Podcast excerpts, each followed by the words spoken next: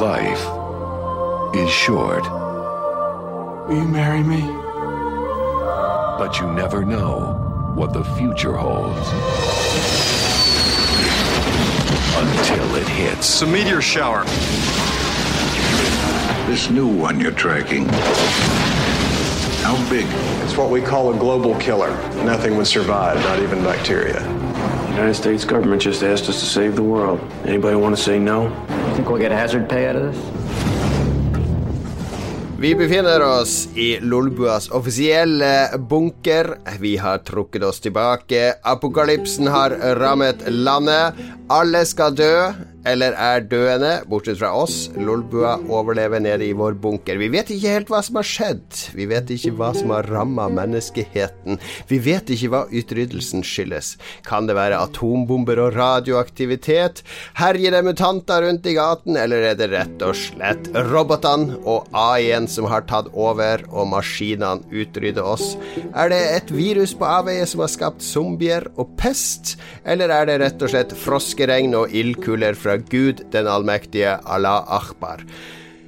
Vi må finne ut av dette i bunkeren vår, og her har vi eh, flere overlevelseseksperter. Vi har selvfølgelig fått med oss en medisinsk eh, mann. Eh, med, ikke en medisinmann, men en eh, ambulansesjåfør som jo har grunnleggende opplæring i førstehjelp og, og litt nødhjelp. Ståle, du kan bistå til overlevelse. Det kan jeg. Det er helt åpenbart. Jeg er jo litt sjaman, er det ikke det heter? Vi har jo også uh, vår overlevelsesekspert uh, Mats, som har brukt fyrt av flere tusen runder ammunisjon på treblinker og trefigurer i håp om å en gang kunne løpe rundt ute i en apokalyptisk, postapokalyptisk verden for å drepe andre og ta eiendelene deres. Uh, Mats, du koser deg nå. Hallo, hallo. Takk for at jeg fikk lov til å være med på denne episoden. Vi, du har jo snakka en del om apokalypsen før, og jeg vet jo at alle vi andre i denne bunkeren henger i en tynn tråd nå, for med en gang det begynner å bli lite mat, så har du jo null skrupler med å skyte oss. Hæ? Nei, altså vi må, jo, vi må jo holde sammen. Vi må jo være en militia, et team, for å overleve. Det vet jo alle. Ja, men vi er jo spesielt Lars, og Lars er jo også med her. Hallo, Lars. Hallo, hallo, hallo. Spesielt Lars er jo bare daukjøtt. Altså, det er bare en fjerdedel av maten forsvinner bort på Lars. Har, hvilke ferdigheter har Lars som hjelper oss i apokalypsen? Han er jo, han er jo, han er jo the funny guy. Han er, den som, han er limet som holder oss sammen. Ja, der har du det. Der har du det. Men, men, er Lars morsom når nøden er ute? Fordi når dere kjørte på dådyret i uh, Texas, var Lars komikeren som holdt motet oppe, eller var han sånn It's game over, man! It's game over! jeg, jeg, tror vi Det håndterte vi ganske bra, mener jeg å huske. Det var Lars ja. så, så, så trykte på megablinken, som han kalte det. Det var jeg som kom med forslag om å drikke solkrem når vi begynte å gå tom for vann, f.eks. ok, kanskje jeg undervurderte Lars. Vi er fire muntre menn i en bunker eh, som skal overleve. For episoden i dag står i apokalypsens tegn av et eller annet, en eller annen grunn. Ja, det var jo min idé, og det var så mye apokalypse i, i, mitt liv. Både på TV, film og spill, så ja, hvorfor ikke utsette alle vi kjenner for apokalypsen nå? Så da, da blir det apokalypsespesial. Apokalypse nå, folkens. Ja, jeg kjenner at vi er rett før vi har sagt apokalypse så mye at ordet mister all betydning ja. og bare blir en samling bokstaver som vi ikke klarer å relatere til. Så vi må ta noen vanlige spalter før vi dypdykker inn i apokalypsen. Og det vanligste er jo hva har skjedd siden sist? Kjør på, Ståle. Du, jeg har uh, to ting som nå har endelig skjedd litt. Jeg pleier å være litt sånn svak på den spalten her, men nå har det skjedd et par ting. Det første var uh, Jeg syns iallfall det er kjempekult. Det er uh, spontankjøp av en Samsung 4K-TV. Ja vel. Så det hele begynte med at vi ha, har hatt en 4K-TV fra før, fordi jeg er litt sånn ute etter å ha uh, være med på det som skjer. Så vi kjøpte en 4K-TV ganske tidlig i prosessen av 4K, ganske rimelig. Og så har jeg drevet sikla litt på ny, men jeg er, liksom, jeg er gift og to barn, så det er ikke liksom det mest populære å rope om at man har lyst på en ny eller større TV. Men så var kona mi litt på glid her en kveld og sa at liksom, ja, det hadde jo vært greit. Og så sovner hun på sofaen, og så går jeg bare tilfeldigvis inn på Elkjøp, og så ser jeg liksom at det er en QLED-TV som har satt ned 10 000. Så når hun mm. våkna igjen, så hadde vi kjøpt TV. Det gikk eh, tilsynelatende bra, egentlig. Hun var ganske fornøyd. Hun er ikke så engasjert i at jeg syns fargene ser mye mer sterke og fine ut. Jeg har prøvd å vise henne et par ting. Jeg har gått innkjøp av en Apple 4, eh, sånn 4K-modell og liksom. Det, det drar ikke like mye. Nei. Men eh, det kanskje det, det viktigste, bare jeg vil presisere liksom min, uh, mitt offer for Lolbua, det var uh, Lars og min sin stream av Crackdown 3 for Var det på fredag, Lars? Var det ikke? På fredag. fredag. Jo. Da Det ingen vet, men bare så et fåtall vet, var at jeg hadde omgangsuke under denne streamen. Så hvis du Det var ganske dårlig, så det punktet når jeg sier til Lars jeg må på do en tur, da var jeg, var jeg ikke bare og tissa. Eh, men jeg hadde allerede lova bort at vi skulle streame, og jeg hadde, jeg hadde bedt deg om å laste ned dette på GamePass, så jeg turte rett og slett ikke å, å kansellere det. Så hvis du hører engasjementet mitt, så var det ikke så mange som klarte å Jeg jobba så hardt for å komme gjennom den streamen, eh, som viste seg å ende med å bli tre timer lang. Så jeg var ikke rart jeg var sliten på slutten, Lars. Ja, det var så, det var så sykt, fordi jeg Ja. mista alt konsept om tid og rom, så jeg trodde vi hadde holdt på i en sånn her time da vi var ferdig. Men eh, det er dedikasjon. Her har du mye å lære, Mats. For hos Mats er det sånn «Nei, jeg Middag med mamma så jeg, kan, jeg skal, Vi skal male klubbhuset i skyteklubben, så det, det går ikke. Det.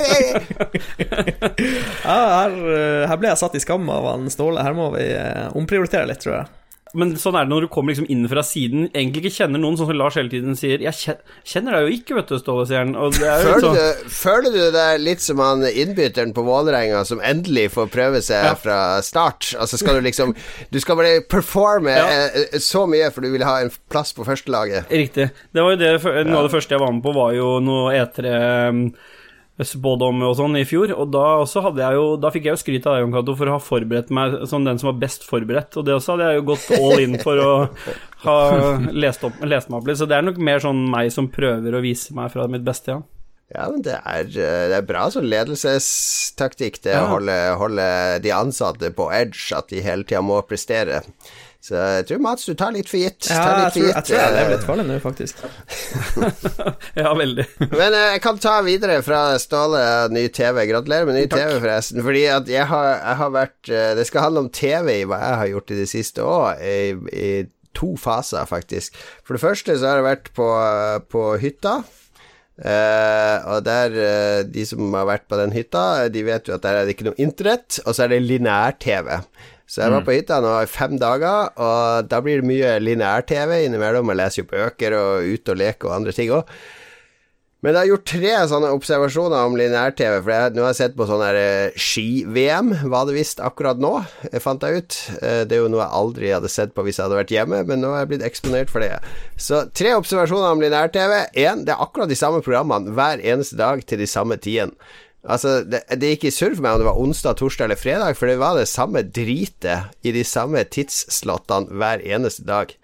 Eh, så jeg bare Jeg ble jo helt eh, Jeg fikk sånn panikk, for jeg ble sånn Jeg følte at jeg levde i sånn Groundhog Day. Jeg hadde stått opp og, og spist frokost, og så hadde jeg lest litt, drukket litt kaffe. Slå på TV-en, så var Hei, vent, det her var jo det som var i går. Det, den såpeoperaen der, og den reality-greien der, og det var akkurat samme. Det andre er at det er sport fuckings døgnet rundt på NRK. Det er sikkert fordi det er ski-VM nå, men det var liksom ski. Uansett når på døgnet jeg slo på NRK, så var det et eller annet ski. Ja. Og det, det er den tredje observasjonen min. Hvorfor skal alle de her skigåerne De, griner jo hele tida. Jeg kunne ikke se en halvtime av et skiløp uten at det sto enten eh, et kvinnfolk som hadde vunnet eller tapt eller vært sjuk, som sto og grinte. Og til og med når de her eh, vant, han, han Sundby og han andre der kom på tredje og førsteplass. Eh, Så han treneren knakk sammen og sto og grein, lå og grein på snøen. En mannlig trener på min alder, og kona måtte bort og trøste han. Hva er det her for noe?! Hva, hvor, er det, verre, er det verre at en mann driver og gråter på, på, på snøen, enn at en Ja. kvinne gjør det? Ja. Jeg syns, begge deler er like ille. Her er det snakk om profesjonelle sportsutøvere. Folk som hever meget høye lønninger for å prestere sportslig. Og Da syns jeg at du trenger ikke å dra inn et eller annet personlig i alt som skjer i jobben din, og stå og grine. For tenk, tenk hvis Lars skulle grine hver gang han sendte avisen av gårde til trykk. den, gode saken min.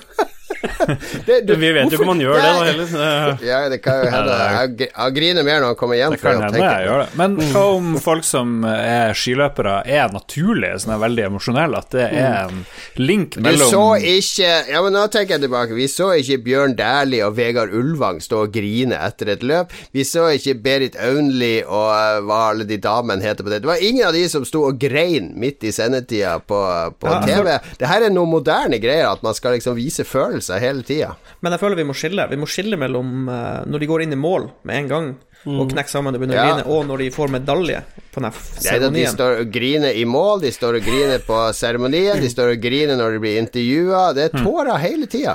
Ja. Okay. ja vel. Så, ja, men de må gjerne grine. Jeg ser jo ikke på det. Nå er jeg jo hjemme, nå har jeg jo internett, eh, takk Gud, så da blir det ikke mer ski-VM på meg, men de kan gjerne grine seg gjennom hele det VM-et. Jeg syns nesten det er viktigere å henge seg opp i eh, hvor, hvor godt det er å ha uh, frigjort seg fra TV og kun ha det som streaming. For du, du poengterer noen viktige poenger rundt det derre ting som bare går om igjen og om igjen, og planlegge at du skal få sett ting og sånn. Det der å ha ting bare klikke på det du skal se, gå inn og Det er helt ja, er- fantastisk. men det, er, det er helt rart å måtte gå og vente på etter at en TV-serie skal starte, eller noe sånt. Det ble jeg ikke vant til. Men jeg, bare en kjapp ting til på slutt som har med Ståle sin å gjøre. Fordi mens vi var på fjellet Min eldste sønn, som blir 18 nå til sommeren, sommeren, han var hjemme og hadde LAN-party hjemme hos oss. Der hadde vi ordna nytt bord, og det skulle komme en fire-fem kompiser, og de skulle spille Apex Legends i fire dager. Og mens vi var der oppe på fjellet, så fikk vi sånn melding eh, tidlig på morgenen fredag med at han hadde snubla og skulle flytte noe bord, og snubla i noen ledninger, så de hadde visst eh, krasja litt i TV-en nede i stua. Så den hadde fått en brist i skjermen, og det var noen streker på skjermen og sånn. Litt nervøs sånn melding, da. Eh, men så Jeg har jo hata Jeg var akkurat sånn som Ståle. Jeg er ennå verre med stå, enn Ståle sin TV, fordi vi kjøpte 4K-TV med en gang 4K kom. Altså, altså året før HDR kom. Åh. Så vi hadde sånn Ja, 4K-TV uten HDR, ikke sant. Mm. helt patetiske funksjoner på alt mulig sånn. Det var ganske billig TV, jeg tror vi betalte 8000 eller noe sånt for den. Så jeg har egentlig mislikt den lenge, vi har hatt den i mange år. Jeg venta på en unnskyldning til å bytte den ut, så egentlig så var jeg bare, bare til kona mi sånn Ah, å, nå har jeg ødelagt TV-en, og, og hun bare Ja, ja, det er sånn som skjer. Ja, ja, ja, jeg får vel skaffe ja, jeg, skal ta og se på en ny en. Altså, nå har jeg kontakta min venn som jobber i, uh, i en av Oslos eh, bedre hifi-butikker, fordi vi jobber sammen på Akersmik, så han bruker av og til å hjelpe meg med forsterkere og sånne ting. Så sa jeg jeg trenger TV, eh, hva vil du anbefale under så og så mye? Så nå har jeg en, eh, en ny TV på vei, Oi. kommer om en uke. Kan vi spørre om merket? Den vi skal ha nå, er en Panasonic 65-tommer eh, 4K OLED eh, TX65 FZ800E, som det kalles. Best i test. nice. Meget bra. Og det er den, ifølge han, for han er sånn filmdude, han er ikke sånn spilldude, så er det Samsung er kjempebra, LG er bra, men skal du se film, så er Panasonic faktisk De har fargenyansene er hakket bedre på Panasonic. Alright. Mats, eh, har du vært og malt klubbhuset i siste? Eller er noe annet Ja, spennende? vi, vi, sånn apropos klubbhuset, vi sliter, vi sliter så vilt.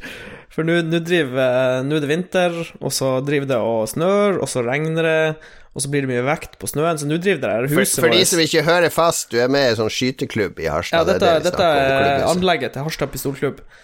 Eh, Ja. Men vi sliter veldig med Det anlegget er veldig gammelt, eh, og når det, hver vinter så driver det og blir skjevere og skjevere. Så uh, nå har døra satt seg fast. vi får den ikke opp. Så vi måtte bruke en sånn gammel dør som uh, så vidt fungerte. Så vi, eh, vi har bare lyst til å rive alt egentlig og bygge en ny hall, men Så vi hadde nå et klubbstevne, gikk ålreit. Jeg sliter med skuldra fortsatt, som jeg har klagd på tidligere. Nå tror jeg at jeg er permanent handikappa, hvis jeg skal være helt ærlig. Det virker ikke som det blir bedre, så jeg er Men blir det verre av å skyte? Det, Nei, det sånn nei, nei, i nei, nei det er bare sånn eh, øvrig klaging. Men er det vondt å løfte opp, eller er det hvordan, hva er det som er smertefullt? Alt som er, alt som er over skuldra med Ja. høyrearma, er kjipt. For det er sånn betennelse. Du, du informerte ikke om det her når vi slapp deg inn i bunkeren, så nå må vi nesten revurdere hva- hvor mye bruk vi har for deg nede i bunkeren. Ja. Nei, men jeg kan bruke venstrearmen min. Men, men var det lov under andre verdenskrig, tenker jeg med en gang.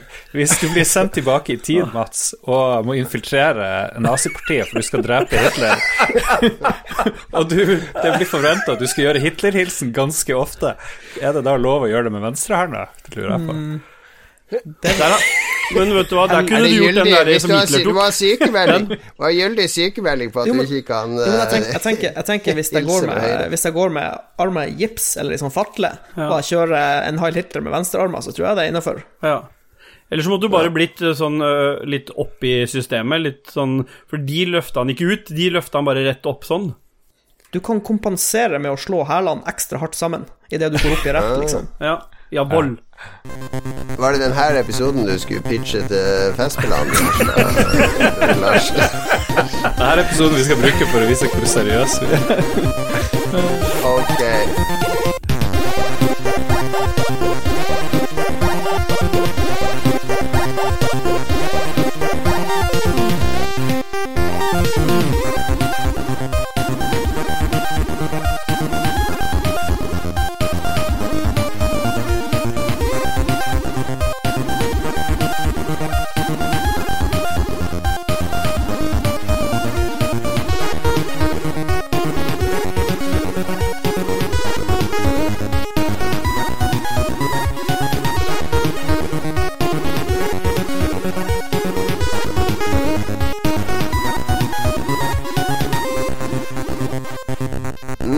Skal det handle om apokalypse, og nå må vi ha Lars, du har faktisk gjort research. Ja. Det skjer hver, hun, hver hundrede episode. Sist var episode 148. Nå er det Ja. 248. Lars har gjort research.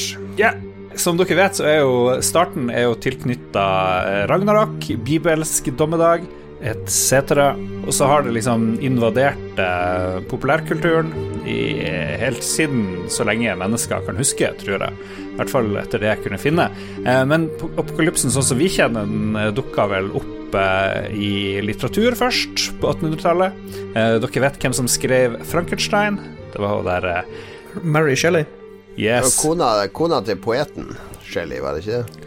som i 1826 kom med The Last Man, hvor det er en sånn der plague, det er en sånn sykdom som bare utraderer hele verden.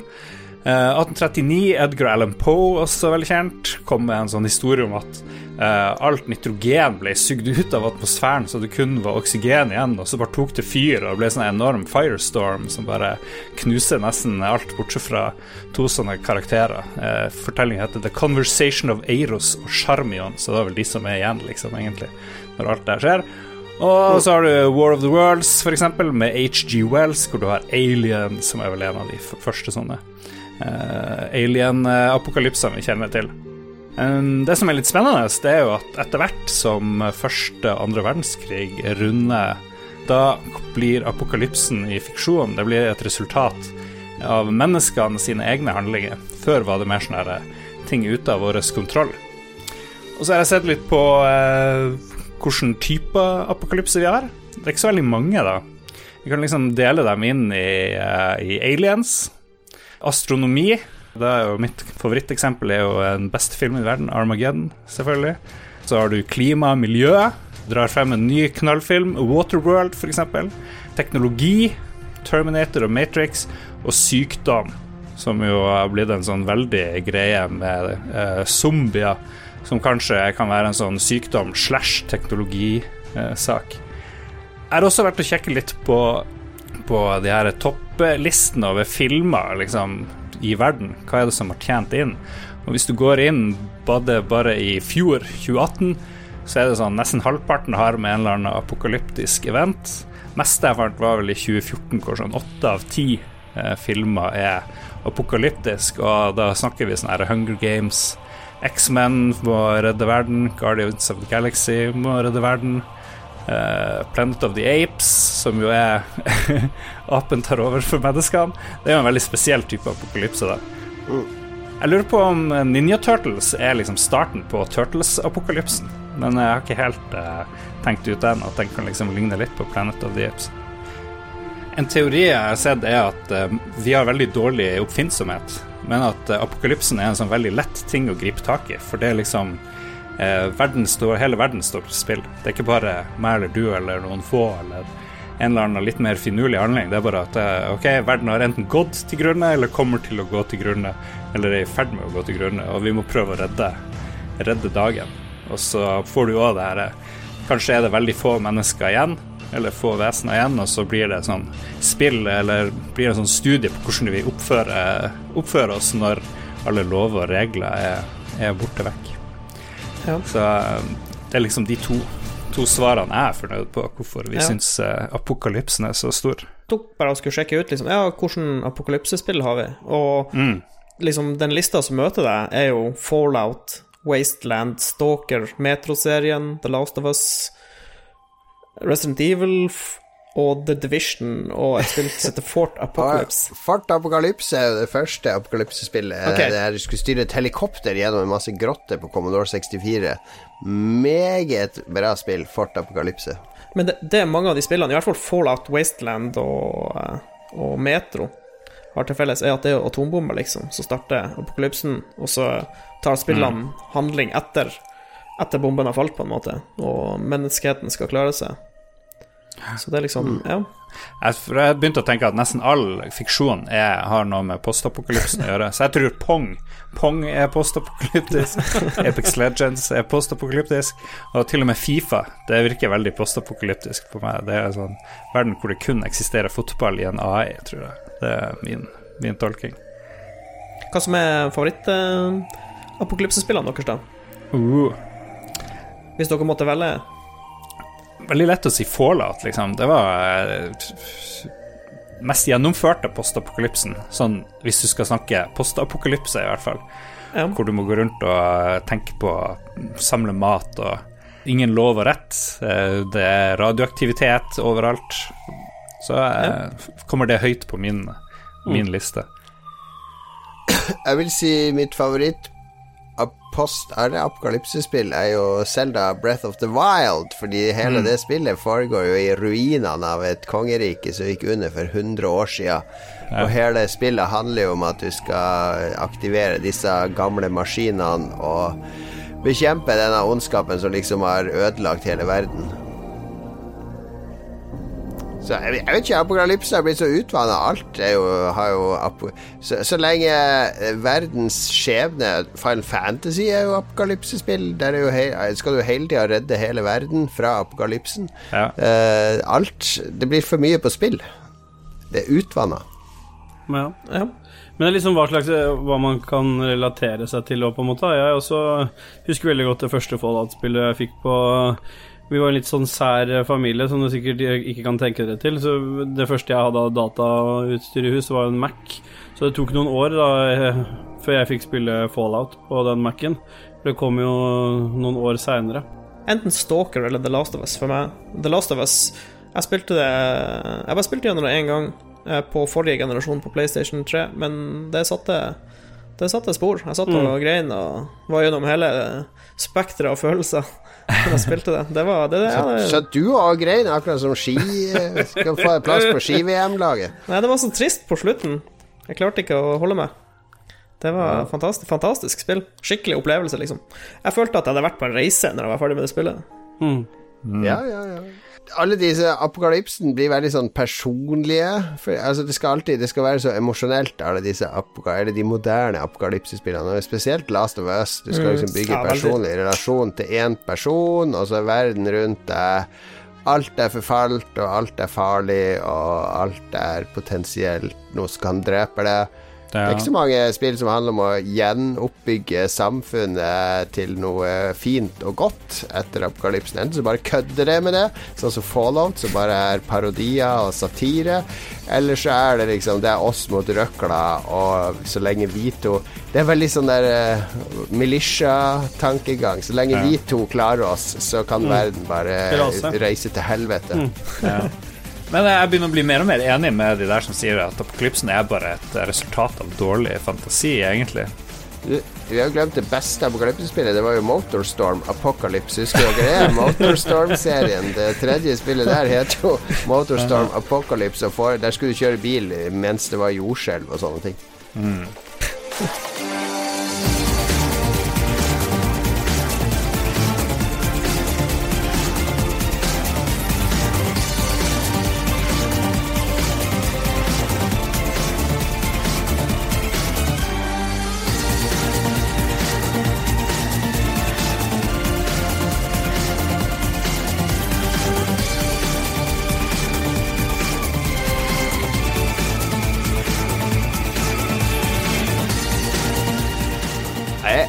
veldig lei av det apokalypse-greia. Jeg prøvde å se her danske Netflix-serien Rain, og falt veldig fort. Det er veldig, Alle sånne apokalypseserier er veldig sånn dramatisk akkurat når det skjer, og rett etterpå, og så blir det Bare se på Walking Dead og sånn. Så blir det bare Vi har egentlig ikke noe vi vil fortelle. Så de bare uttaler det i det uendelige og lager noe sånn eh, tåpelig drama oppå det som ikke ja, malplassert. Men kanskje vi klarer å sette en ny schwung, da, for det var vel det vi skulle, var det ikke det, Lars? Jeg har, jeg har lansert noe som heter Apocalyptics. Kort skissert. Hver av oss lanserer plan på hva vi vil gjøre den første uka um, når, vi, når apokalypsen inntreffer. Senere skal folk høre hva lytterne mener om det her, men jeg tenker vi kan liksom presentere vår uh, skisse, og så blir vi enige om hvem er apokalypse-champion av oss. Jeg foreslår at Jon Cato går først, sånn at han ikke kan kopiere andre sine ideer, spesielt Mats sine ideer på hvordan man klarer det. Du er jo vår prepper, Mats. Ja. Eh, nei Hva jeg skulle gjøre hvis ulykka var ute Det spørs litt hva slags type apokalypse det er snakk om. Atomkrig er jo liksom ganske Jeg tipper det er mer sannsynlig at det kommer, skjer atomkrig enn at det kommer zombier Hvis det, eller aliens. hvis det skulle skje atomkrig, så hadde jeg vel antagelig bare dratt med meg ungene og familien og prøvd å komme meg opp på fjellhytta. Satser på at det er langt nok unna til at vi i hvert fall kan leve noen år før vi dør av radiation. altså, atom, det er- alle er jo fucked hvis det er atomkrig, uansett. Selv, selv prepperen Mats Ja. har ikke Atomkrig er eh, uten tvil det verste scenarioet for alle ja, involverte. det, det er bare snakk om hvor lenge skal du gå rundt og ha det vondt. Uh, så det kan vi i hvert fall dra opp dit, fordi jeg, jeg regner med det er mindre riots og tull og tøys der oppe. Veldig lite mat der oppe, da. Ja, det er ikke så mye mat, men eh, det tar nå slutt en gang. Du kan fiske og sånn før fisken blir ødelagt av radioaktivitet. Så eh, vi drar det opp dit. Altså, Ulempen til meg og Ståle, eksempel, er jo at du og Mats har jo bare dere sjøl å tenke på, så dere kan jo løpe rundt og skyte og ha det gøy. Eh, huet jeg må jo tenke på familien. Altså, jeg har jo plikt til å forsørge min familie. La familie. Ja. Men jeg har i hvert fall kommet meg ut av Oslo, uansett hva slags apokalypse det skulle være snakk om. Jeg har ikke lyst til å være i sånn stor storby. Og så har jeg jo et par steder vi kan rømme til. Skal vi kritisere planen til Jon Cato med en gang? Jeg tenker å dra ut på hovedveien i starten av apokalypsen. Det er litt sånn her, Da havner du i sånn her 40 mil lang kø, alle skal ut på fjellet fra Oslo, og så blir det noen sånn riots, så blir det sånn Det, det, megavold. eh, det spørs hvor lang tid de bruker på å dra ut. Hvis du er ganske rask Hvis du er raskt ut, så tror jeg det går bra, men hvis du skal begynne å pakke og, Mm. og finne liksom eh, provianter og forsyninger, da kan det bli litt stuck. Og så spørs det åssen kaoset er blitt. Er det på en måte er det på en måte full krig, og nyhetene varsler at folk skal holde seg rolig, eller har det liksom brutt ut allerede når, når Jon Cato begynner å flykte? Ikke sant? Fordi motorveien er jo ikke fulle med en gang, ikke sant? Eh, Nei. Det tar jo litt tid før man skjønner at, det at smellet ikke var en ulykke, og ikke sant? Nei, men nå, jeg har en ny plan her, for jeg teamer opp med Ståle. Ikke sant? Vi kan redde vår familie av av Ståle. Men jeg har et forslag som innebærer deg òg, min forklaring inkluderer deg Ja, og familien din. ja. Så jeg vet ikke om jeg skal gå etter Jon Cato. Kjør på. på. Ja. Ja, men jeg har jo forberedt meg, da, for det, dette var jo, var jo litt sånn uh, tynt, Jon Cato. Men eh, Men Derfor eh, jeg trenger det.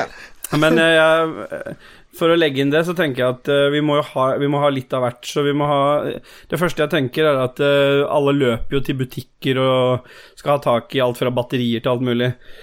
Men det er et sted folk liksom ikke løper til, og det passer meg veldig godt å dra dit, og det er kondomeriet.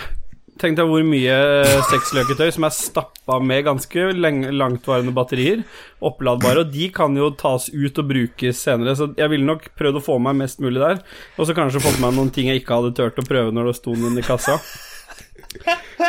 Ehm, og så må, må man jo selvfølgelig prøve å få med seg noe mat, og hvis oppfinnelsen til Magnus er tilgjengelig, så ville jeg dratt med meg en sånn lydbølgepistol. For det må vi ha opp på fjellet, så vi kan jage terroristene tilbake igjen. Um, Ja, jeg vet jo vi skulle altså, Grunnen til at jeg vil teame opp med deg, Ståle, er at du kan få tak i en sykebil. Ja. Fordi hvis det da er kø, så kan vi i hvert fall kjøre sykebilen med familiene våre baki der og slå på litt sirene og sånn, ja. og kanskje klare å, å skvise oss forbi de verste køene og, og sånn, før full panikk bryter ut. Men så har jeg funnet, funnet ut litt mer, for jeg ville pakka med meg noen plastikkflasker, altså sånn type gjennomsiktige plastflasker, for jeg har funnet ut at eh, det er litt forskning på dette her i forhold til eh, til denne apokalypsen.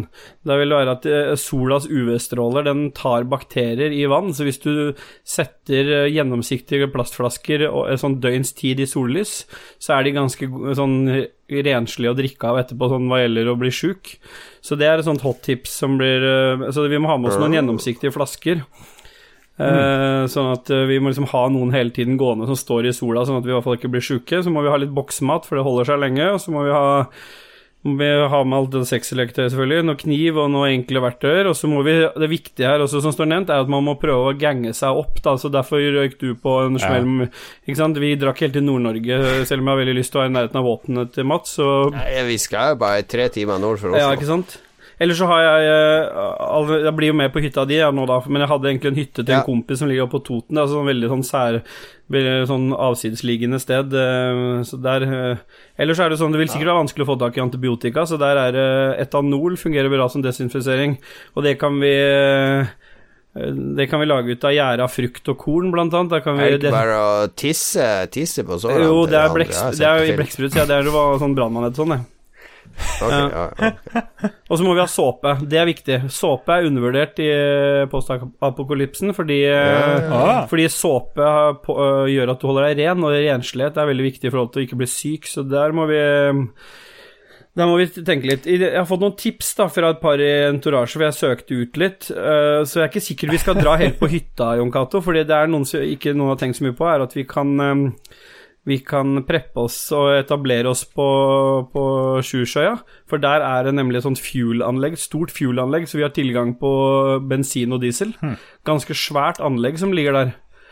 Men jeg har vært i HV06, ja. Ståle, og Sjusjøya er et av de seks kritiske punktene i Oslo som skal beskyttes okay, i tilfelle en apokalypse Ja. eller invasjon Ja. eller noe sånt. Så der, det er ikke bare bare å ta Sjusjøya. Da må vi ha med Mats. Ja, Okay. altså vi får holde det kan vi må holde det oppe døgns ved Ekeberg, eh, Ekebergrestauranten. Der kan han legge seg til bak eh, den gamle sjømannsskolen. Der skal han ligge og snipe ned mot Ja, det kan vi gjøre, så kan vi, mens vi holder. Og så kan du, fordi det alternativet der, da, det beste er jo hytta, selvfølgelig, men det alternativet med å dra på Sjusjøya er jo at eh, da blir jo vi på en måte den nye store Det er på en måte vi som er kongene, vi som håndterer all drivstoffet til folk, sånn at vi vil jo ha veldig mye makt hvis vi klarer å holde dette punktet. Men det var, det var bare noen år, jeg har Ja, hørt, fordi eh, sånn. bensin slutter å virke etter et par år. Eh, Ja. Det fordamper noen av de greiene som, som, som forårsaker at du kan bruke det til forbrennings... eh, Men, uh, men vi Noen som kritiserer en, sånn en sånn idiot som bare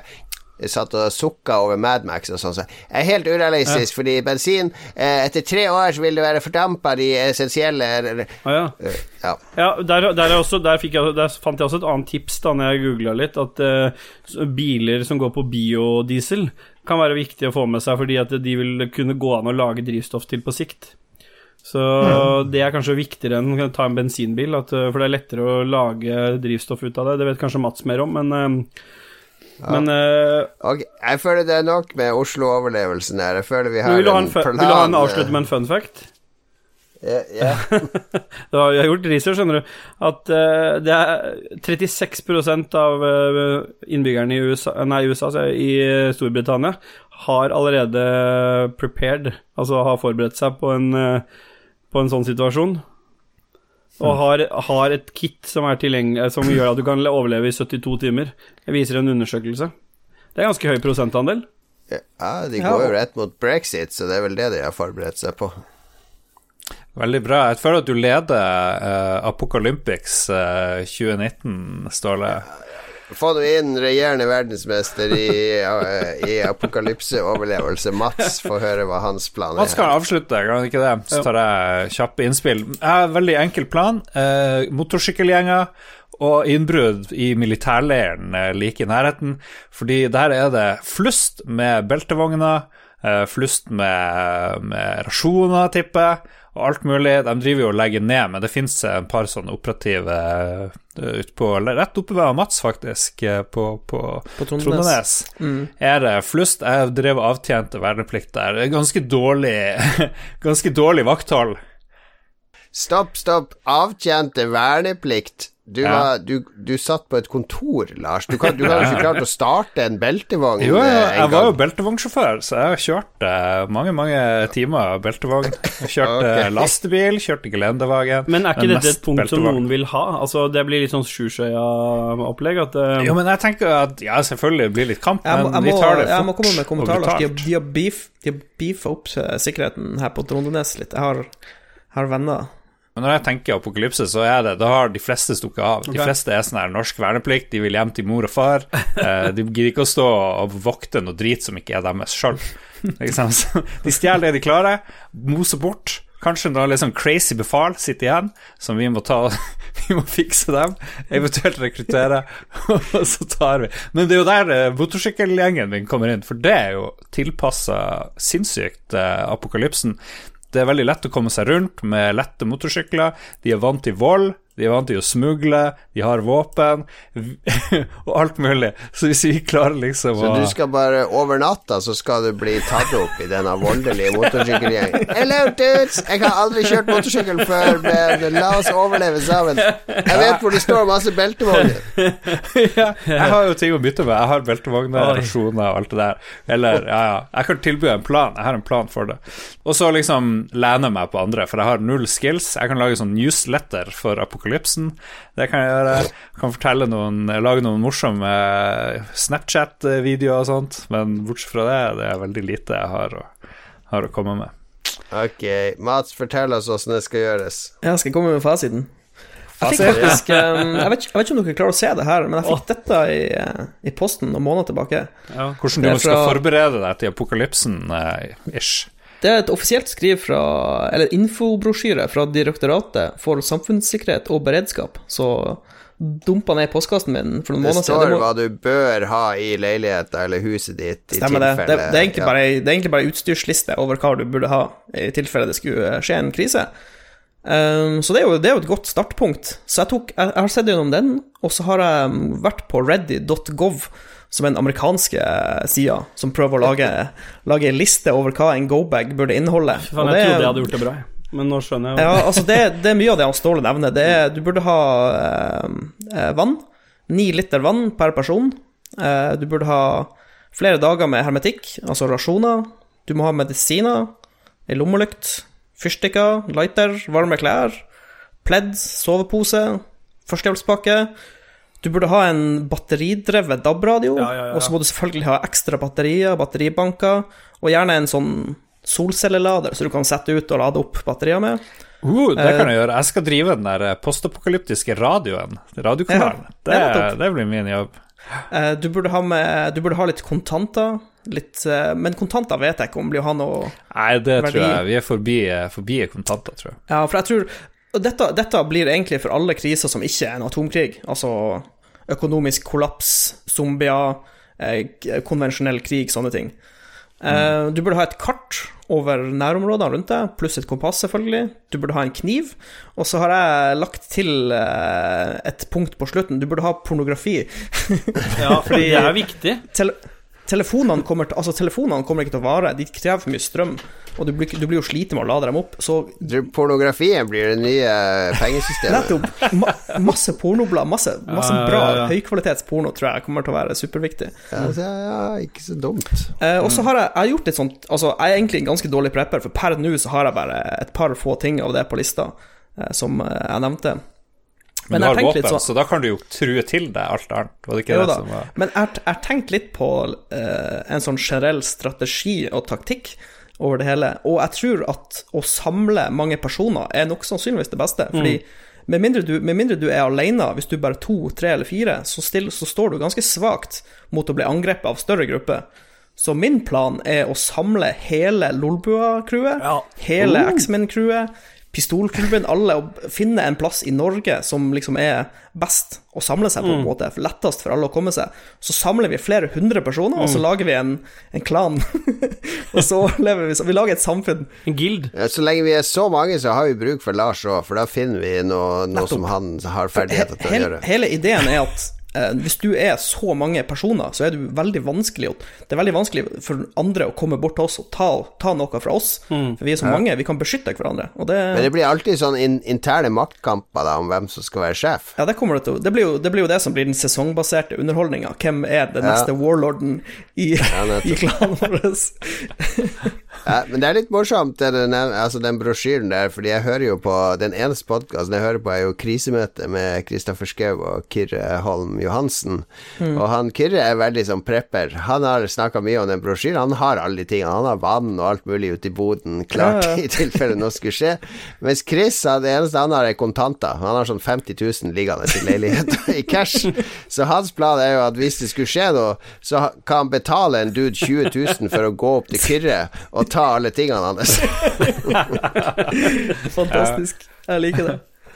Nei, men jeg, altså, det finnes mange løsninger. Jeg tror ikke det er noen sånn eh, fasit. Et, et, det, men dette går jo i kontrast til eh, når vi snakker om spillene, og, og med altså, The Road, eh, boka til Cormac McCarthy og filmen, og sånne ting. Det går i kontrast til det, fordi der er det veldig mye alene, eller to stykk mot hele verden. Det er en sånn romantisk forestilling om at samfunnet Vi har så mye regler, samfunnet har kollapsa, strukturen er brutt ned, nå er det bare meg, individet, og de aller nærmeste til meg. Eh, mens det fornuftige er jo å reetablere samfunnet igjen. Få på plass lover og regler og beskytte hverandre og ta vare på hverandre. Som, som er en kontrast til hvordan det blir fremstilt i populærlitteraturen og, og spillene. Ja, for hvis du er to karer som kjører rundt i en bil, og du blir stoppa, liksom, hva gjør du hvis det er fem karer der som vil ha tingene dine? Du har ingenting du kan gjøre, du er fucked. Vi må kåre en vinner. da. Jeg, det, jeg føler det ligger mellom Mats og Ståle. Jeg føler Ståle leder fort med den der sexleketøyplanen. Jeg, lik, jeg, liker, jeg liker tanken på å raide et kondomeri rett etter apokalypsen. Eller Det, det føles rett. Ja, det føles veldig godt. humorpoeng.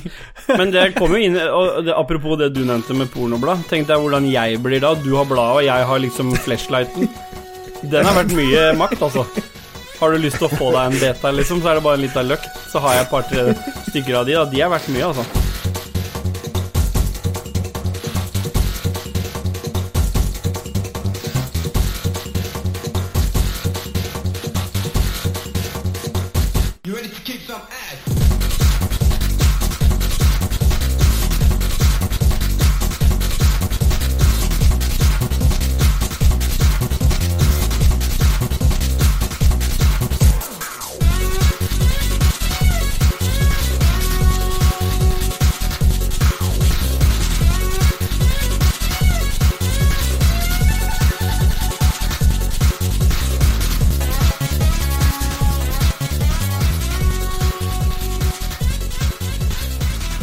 Vi har tid til å spille, selv om verden brenner rundt oss og alle våre kjære ligger som forkulla lik utenfor bunkeren vår. Vi kan dessverre ikke slippe inn alle.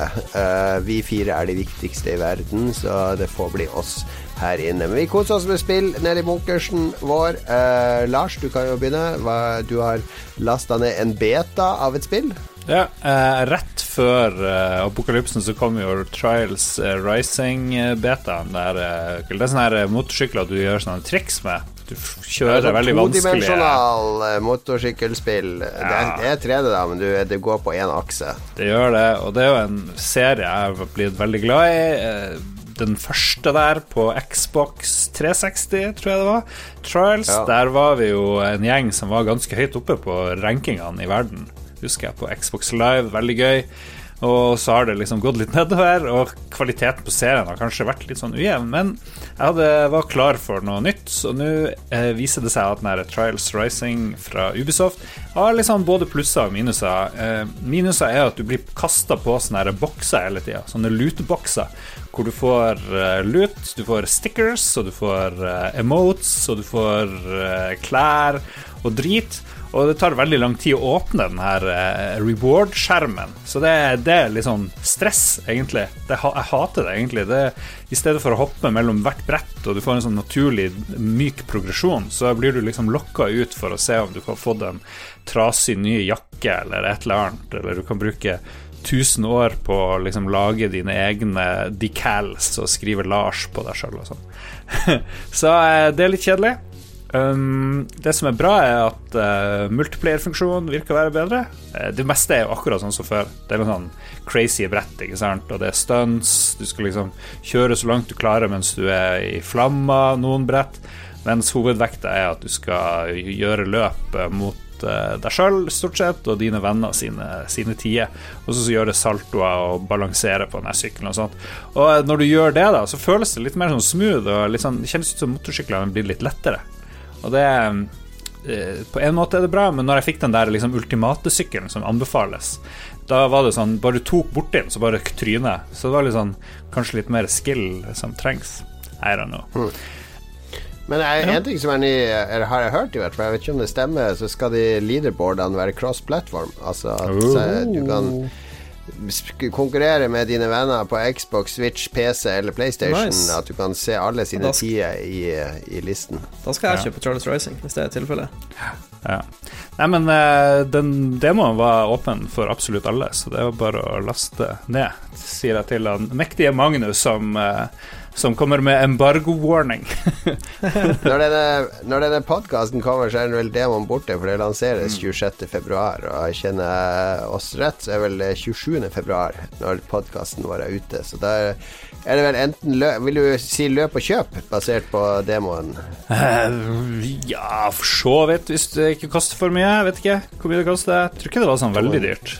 240 eller ja. noe sånt. Så, ja. Um, det var veldig gøy å spille online, by the way. Før var det sånn at man spilte online på en sånn rekke innover. Du så alle rytterne. Nå er det sånn at alle rytterne er ghosts på en sånn vanlig enplayerbane. Det er mye morsommere, syns jeg. Ja. Mm. Mm. All right, mm. Mats. Ja. Er du ferdig med Anthem? Jeg begynner å nærme meg slutten av Anthem. Ja. Jeg, liksom, jeg føler jeg har gitt det en ganske god sjanse nå. Jeg har sittet meg ned ved flere anledninger og prøvd å ploge gjennom denne singleplayer-storyen, eller den story-biten. Det her er jo BioWare EA sitt nye sci-fi-spill som skal utfordre Division og Destiny og en masse andre spill. Det er sånn shooter-looter, er det ikke det man kaller dette nå? Ja, ja det er liksom Destiny, den store Destiny-utfordreren. Men nå, hvis, hvis, du ser på Bungie og Destiny 1 og 2 de starta utvikling sent 2010, og EA mm. starta utviklinga i 2012 på Anthem. Og mm. Bungie har lagd to Destiny-spill, utallige strikes og raids og innhold, og Anthem har lagd Anthem med tre Det virker tre... som et spill som har endra seg ganske mye underveis. Ja, de må, de, altså, ja. de må ha scrappa masse greier. For de har, de har liksom tre strongholds. De har veldig lite våpen. Alle våpnene ligner på hverandre. De tre maskingeværene er det umulig å se forskjell på. Uh, mm. Og det er liksom Det er loading screens. Det er så mange loading screens. Og så er det det derre uh, Du må jo spille med folk, med tilfeldige folk, uansett om du kjører missions eller Eller du må ikke, men det er det som er standarden, i hvert fall. Defaulten. Ja. Uh, og så er det så De her skjermene, mener jeg, de her catch-up-skjermene Du er utenfor mission-området, du må skynde deg bort til mm. lagkameratene dine. De er så aggressive. Hvis hvis teammatene dine bare flyr 15 meter foran deg, liksom inn i neste område, ja. så får du med en gang opp den der gule boksen som, som advarer deg om at du utfører mission-området. Danger, Mats Johansen, danger! Ja. Move også, here, move here now! Og så er jeg liksom ikke blitt Jeg er ikke blitt liksom sugd inn av historier, singleplayer-historier, så jeg vet ikke. Ja. Noen sier at uh, gamle BioWare-historier var én million ganger bedre enn NTM-historier. Virker som om det er ikke de samme folkene som lager stories til BioWare Nei, i dag. De har sikkert bytta ut en del folk, men jeg føler Jeg, jeg tror altså Anthem har et kjempeproblem. De, hvis de klarer å snu det her, så er det en, en av de største innsatsene som noensinne er gjort. Det delte meninger om det på nettet. Det er mange som liker det, men det er også mange som bare gir det opp ganske fort. Jeg sliter ja. også veldig med de våpnene, spesielt det for eksempel, du må jo lage en rigg og så dra ut. Og så En gang hadde jeg en med shotgun og submachine gun, ikke sant? Så, fordi da var jeg sånn close combat-dude. Mm. Eh, jeg hadde bare close combat-våpen og Malay, og det var helt greit, det. Helt eh, Det var jo selvfølgelig et sånn stort story mission, da, som bare var flere etapper på, og noen av de oppdragene så skal du stå på sånn haug, og så kommer det sånn horde av fiender langt der nede. og så må du stå i sånn ring på den haugen da for å få progress bar opp. Og der sto jeg med min shotgun og min submachine gun og gjorde nesten ingen skade.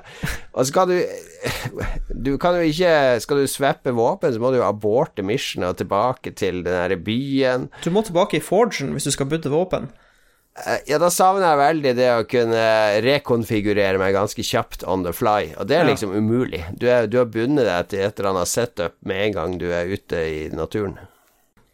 Men det ser jo pent ut, da, gjør det ikke det, Anthem? Jo, det ser veldig pent ut. Så Art- Art-teamet har liksom gjort jobben sin 150% Og det er veldig synd, da, for liksom de har gjort en kjempeinnsats og lagd et utrolig pent spill. Så kommer, kommer de som lager Mechanics og UI og bare ødelegger alt. Men Jeg ble jo litt uh, satt Jeg har jo ikke fulgt med sånn på det spillet, men jeg ble Jeg, jeg spilte jo opp til over level 20 eller noe sånt. For jeg gikk jo og venta på at nå skal jeg åpne mer av kartet. At nå skal det komme sånn ørkenverden eller Ja. sånn snøverden eller noe sånt. Så bare skjønte jeg Sjekka jeg på nettet, og så Å ja, det er bare det ene kartet. Mm, det er best, best er kartet man spiller på. Ja, det er jo ganske stort kart der med flere sånne subområder, kan du jo kalle det, for du Ja. flyr jo fra område til område. Men det er likevel ganske like områder, og jeg ble litt sånn Ok, i Destiny så har du jo fire-fem planeter, og litt variasjon der, og i fiender og sånn. Og det var også noe av det jeg hata, var jo de fiendene, enten de er sånne Dominion-soldater, eller hva det heter, eller Rogues, eller de der Scar. mutantene. Ja. Ja, de, de fotsoldatene er jo bare helt like. Altså, det er jo ingen behavior i de, de bare er sånn herre strøm av maur som løper mot deg, og litt sånn random til høyre og venstre. Og det, det var veldig lite givende kamper, syns jeg. Det er- det er mange som skryter av kampsystemet, det kan jeg ikke helt forstå. Ja, litt enig der. Nei, de har, eh, de har en liten turd Men, på gang. men jeg, jeg vil jo også tro at det kanskje har noe med, med prosessene som EA har vært litt gjennom også. Fordi hvis du ser på utviklingstiden, så tenker jeg litt sånn Uh, Bare gå tilbake til Battlefront og den eh, introduksjonen der de hadde virkelig forfulgt med mye av sånn pay to win-systemer og sånn, som uh, backfira veldig på EA. Uh, Det kan nok være en stor del av at spillet måtte ganske kjapt Selv om de har en del sånn pay to skin-ting nå, da. Det er veldig mye sånn Jeg ser det er mye sånn Du kan kjøpe det meste av skinsa, men jeg tror det kan nok vel så være mye at um, de måtte scrappe Ja, ganske jeg- mye jeg vil- i prosessen av at dette spillet var ble utvikla sånn når de begynte på det, som et sånt økonomisk prosjekt, noe som de var i gang med med veldig mange spill. Ja, de, de har garantert gått gjennom flere iterasjoner av spillet, og så har de endt opp med det vi har nå, da, som dessverre er et ganske dårlig produkt. Min spådom helt tilbake i starten av 2018 var jo at eh, Anthem kom til å bety Kom til å gå så dårlig at eh, BioWare må, må stenge døren. Det virker som om det var, det var en spådom som kom ett år for tidlig, da. For det, eh, det, det For de som starta BioWare borte, de lager ikke Mass Effect lenger. De lager øl. De lager ikke kule RPG lenger. Uh, BioWare-navnet har absolutt ingen betydning, egentlig. Eh, så hvorfor ikke bare stenge det? De har jo annonsert et nytt eh, Dragon Age, da, så det er jo rart hvis de ikke skal få lov å fullføre det. Men vi får se åssen det går Ja. med Antem. Antem eh, Den som har en penn de klikker, er nervøs på, om å slutte med det. den her. ja. Jeg skjønte det. du Det er sånn CEO-er gjør det der, Lars. Ja, det er journalistisk eh, grep for, å, for når du kjeder deg. Når det er et dårlig svar på spørsmålet. Har du ikke lært det på journalistskolen, Lars? Jeg klikker, for da kan du ikke bruke det til svaret på radio. Her eh, står det, når du ikke sitter på do og spiller Crackdown Eller du har sittet på do og spilt Crackdown i det siste. Fordi det Er det in, Innfrir? Det spillet kom og gikk for min del. Jeg, jeg, syns det har vært gøy, altså. Jeg synes det har vært eh, Men det er ikke i nærheten av hva de har eh, Hva kanskje noen har forventa av det spillet. Nå har ikke jeg spilt noen av de tidligere spillene, så for min del så var det mitt første crackdown-spill. Så jeg har kosa meg masse. Jeg kosa meg enda mer med Lars, fordi Lars har en tendens til å bli litt sånn som han nevnte med den filmen med Mats. At hvis han syns noe er dårlig, så han Så skjuler han ikke det. Så det er litt sånn Åh, og hele tiden, og da går jeg sånn i helt andre enden av skalaen, så jeg Ja, men nå koser vi oss, Lars. Og da ble det veldig en sånn uh, yin og yang-stream. Så egentlig så ble det enda mer morsomt. Ja, det er et ganske stygt spill, det. Det er til å være 2019 og på PC og full pakke. Det ser skikkelig dårlig ut.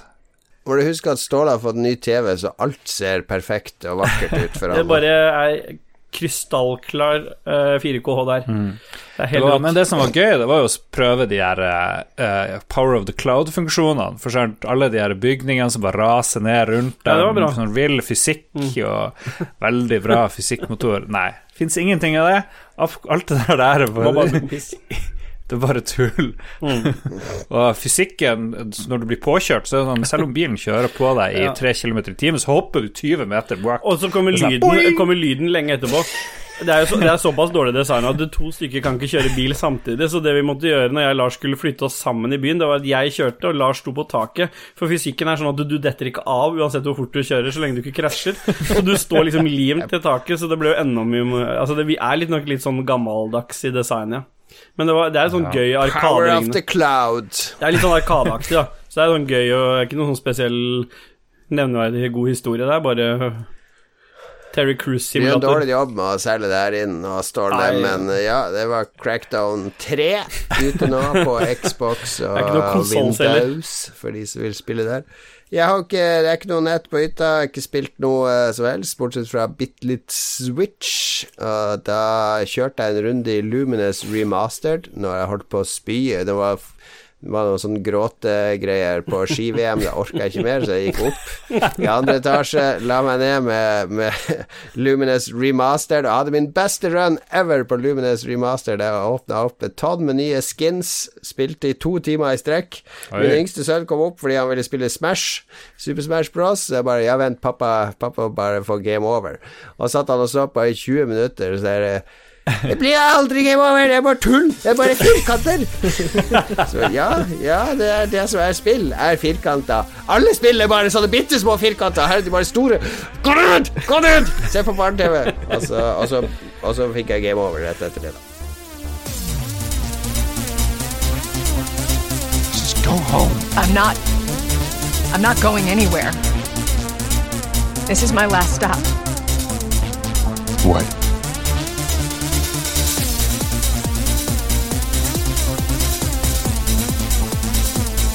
Our luck had to run out sooner or later.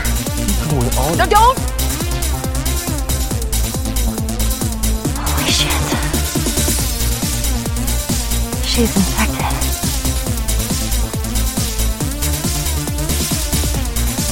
Oh, Christ. Oops, right? No, no, just go!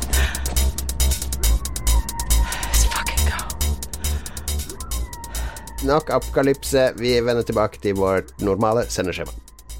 Da skal vi anbefale ting, selv om det er apokalypse, dommedag, zombier, radioaktivitet og regnende frosker utenfor bunkersvinduet vårt, så, eh, så vil vi anbefale ting som gjør postapokalypsen litt mer lystig og litt eh, mer givende eh, for oss som har overlevd. Eh, her er det ikke lov å anbefale spill, her anbefaler vi alt mulig annet, og eh, jeg har en veldig apokalypse-relatert eh, anbefaling, så jeg kan begynne med den. Jeg har lest, uh, leste nå når jeg var på hytta, en eh, bok som heter Roadside Picnic. Eh, det er en russisk eh, roman fra 1971. eh, som handler om Premisset for romanen er at eh, at, at aliener har landa seks steder på jorda. Det er ingen som så at disse alienene kommer, noe sånt, bare plutselig er det sånn seks områder på jorda. Eh, sånn si størrelse med Frognerparken eller noe sånt. Kanskje litt større. Eh, der det er fullt av merkelig eh, stråling og uforklarlige fenomener, og så ligger det en masse ting der som ingen egentlig vet hva er, og det er livsfarlig å gå inn der. Folk dauer hvis de går inn der av eh, De blir brent av slim og, og andre ting. Så de det såkalte stalkers driver og sniker seg inn der for å stjele artifacts, eh, som de selger til vitenskapsmenn. Eh, og regjering og myndigheter også driver og sender folk inn der som spesialtrente eh, roboter og andre ting, for å liksom utforske de greiene her. Og boka heter liksom Roadside Picnic eh, fordi en av, en av, disse professorene som jobber med det her, han mener at disse alienene bare landa på jorda for å ta seg en lunsjpause, og så reiste de videre der de skulle. Og akkurat som hvis noen mennesker hadde dratt ut i, i en park og satte seg ned, og så hadde de kasta fra seg masse batterier og mynter og aluminiumsfolie og en gammel engangsgrill som står der, og, og masse drit og lort som de har lagt igjen etter seg, litt oljesøl fra motoren osv. Og, så og så kommer det dyr inn der disse menneskene var, dyr som aldri har sett mennesker før. Og de hadde ikke skjønt noe av alle disse rare tingene som ligger der, det var funksjoner, og så hadde de sleika litt på den oljen og dødd og, og, og, sånne ting. Så, så, det er veldig kult sånn premiss med at disse alienene er så beyond hva vi kan forstå, og at de bare driter i mennesker er som insekter for dem. Um, så, så, men det, det, er jo fra den boka at begrepet stalker kommer fra, som, som spiller stalker. ja, det er jo løst, løst, basert på boka. Ja, og, og han Andrej Tarkovskij lagde jo en film i 79 som heter Stalker, som mm. de samme to karene som skrev boka, skrev jo manuset til den filmen, så det er liksom en videreføring av av den boka, og det er masse annet i, i populærkulturen som liksom er refererer til denne boka. Så det er en russisk sci-fi-klassiker fra 71, skrevet av Arkadij og Boris Strugatskij, 'Roadside Picnic'. Du leser den på en kveld eller to, ganske kort og konsis. Uh, god, god sci-fi. Mm. Bra, bra apokalypse. Uh, Anna bra apokalypse er Umbrella Academy på Netflix, som er en sånn uh, litt sånn dyster uh, Dyster superheltserie. Har det noe med Resident Evil å gjøre? Nei, jeg skulle jo nesten tro det. Um, det er basert på en sånn her Dark Horse Comics-serie, hvor det på 1. oktober 1989 blir født 43 barn Sånn, De blir bare gravid på noen sekunder, og så føder de. og eh, syv av de her barna blir adoptert av en sånn eksentrisk milliardær. Uh, Sir Reginald Hargreaves henta til USA, og han putter dem inn i noe som han kaller The Umbrella Academy. Han vil ha sånne superhelter som skal bekjempe evil, men familien er veldig lite funksjonell. Uh, de hater faren, kommer ikke godt overens med hverandre. Han ene som ser dead people, han bare går konstant på narkotika for å liksom roe nervene. Uh, en har fått kroppen til en apekatt, uh, eller gorilla, eller noe sånt, og er veldig lei seg for det. eh, og en, en, av de syv har tydeligvis ingen superevner i det hele tatt, og skriver en bok om hele familien og blir utstøtt av den grunn. Men faren dør nå plutselig, og de her barna eh, gjenforenes. De prøver å kanskje eh, sakte, men sikkert finne ut hvem har drept eh, faren. Og så dukker plutselig um, nummer fem opp. Alle ungene Han der eksentriske milliardæren er en sånn asshole, så han ga jo ikke noen av ungene navn, han bare kalte dem én til syv. Så nummer fem dukker plutselig opp etter å ha vært forsvunnet i masse, masse år og kommer med en sjokkerende opplysning at jorda vil gå under om fem dager, eller noe sånt. Eh, så der har du apokalypsetema der også. Det som er litt gøy, det er at det hele er litt sånn her eh, Rushmore og litt sånn indie-filmaktig gjort, eh, den her serien. Ellen Page er med, mange gode skuespillere er med, og jeg vil si at at handlinga og skriving og sånne ting er litt sånn over det vi er vant til i superheltsjangeren. Det er ikke noe sånn trasig Marvel-greie som du eh, kjenner at det er ti episoder for lang, f.eks. Mm. Gode effekter, um, kul musikk, mye krumspring. Litt sånne rare ting som skjer. Umbrella Academy, som er på Netflix, anbefales uh, ja. Mats? Jeg har vært på sånn doku-kjør doku i det siste. Sett masse dokumentarer. Så jeg var innom Amazon Prime, så så jeg den nyeste versjonen av All or Nothing. Det er jo et sånn uh, serie hvor et dokumentarteam får krype tett inn på et sportslag og følge dem en sesong. Mm. Uh, og uh, nå har de fulgt Manchester City i 2017-2018-sesongen, hvor de spiller i Premier League og Champions League og FA-cupen og delvis VM. Eh, og sinnssykt eh, fortsatt utrolig bra nivå på produksjonen. Eh, jeg, har jo, jeg har jo ikke sett alle versjonene av All or Nothing, men eh, jeg likte jo den første hvor de følger Arizona Cardinals veldig godt. Ja. Og jeg syns denne også fungerte veldig bra. Eh, han Manageren til City, en sånn spanjol som heter Pep Guardiola, er superkarismatisk. Eh, det er liksom god stemning. Eh, det går jo bra med City den sesongen òg, kan vi jo, til de som ikke er sånn super super med på fotball. Eh, men det er liksom Ja, det er bare dritbra produksjon. Det mm. du, liksom, du får liksom se hvordan det fungerer, og så få litt bedre innblikk i det. For det er jo det er ganske sånn Ganske hissig tempo, eh, det nivået de spiller på. Jeg var ikke klar over egentlig hvor mye fotball de spiller i løpet av en sånn sesong, av alle de cupene og alle de ligaene de er med i, liksom. Det er, egentlig, det er et vilt kjør fra, fra start til slutt, liksom. Og det, de sliter jo med ska... Folk blir Jeg tror de har sånn 80, 80 og noen kamper på én sesong. Ja, det er helt sykt. Eh, Så de sliter jo med skader, og det er jo litt sånn drama. Og... Men det er utrolig, utrolig fascinerende, hvis du vil se litt For, for det, Manchester City er jo en Vi kan jo nevne at det er en ganske stor klubb nå. De har mye penger. De har en sånn shake som eier klubben. Han har jo spytta veldig mye penger inn i klubben. Men det er ganske kult å, å komme på innsida, liksom. Se på fasilitetene og hvor stor denne maskinen egentlig er, liksom. Det er kult. Europe, jeg skal kikke, kikke på det.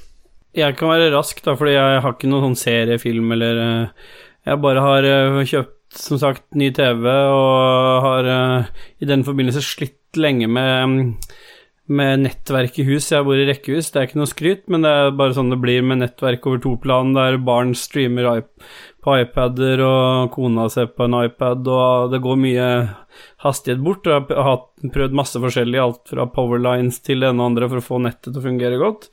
De siste dagene, siste uka, så har det vært liksom gått opp for meg det der eh, som kalles en sånn mesh-nettverk, eller sånn maskenettverk, som ikke var klar over fungerte så godt som det gjorde. Så det er egentlig mitt sånn hot tips eh, for å få god, stabil linje, i hvert fall for oss som spiller en del, og kanskje spiller en del online-spill og sånn, for nå har jeg fått testa det ut før jeg anbefaler det. Uh, og det er det første ordentlig som fungerer godt. Jeg har kjøpt et uh, mesh-system fra Netgear som heter Orbi. Som er, består av tre enheter som nå står plassert i en rekkehus på 110 kvadrat. Og samtlige enheter som er kobla på, holder i snitt liksom 200-200 eller mer, uh, med ganske lav ping. Det øh, har gitt veldig bra stabil nett, mm, stabilt nett på de enhetene, i hvert fall de som har har spilt på både på PlayStation og Xbox. Så det er bare mitt hot tips. Hvis du ikke har satt deg inn i akkurat det, så er det og har en ruter som en gammel ruter, så sett deg ned og se litt på Mesh eller maskenettverk. Veldig bra. Det er trådløst der. Ja. Ja. Du kan, noen av de kan du koble sammen, men for mitt vedkommende så er det uaktuelt. Så de, det står en oppe, så står det en rett under, og så står det en borte ved TV-en. Og da Det har vært superstabilt når jeg, når jeg har spilt på det. Og, det meste andre jeg har hatt, har, har noen sånne drops som gjør at liksom Det blir en del hakking og sånn.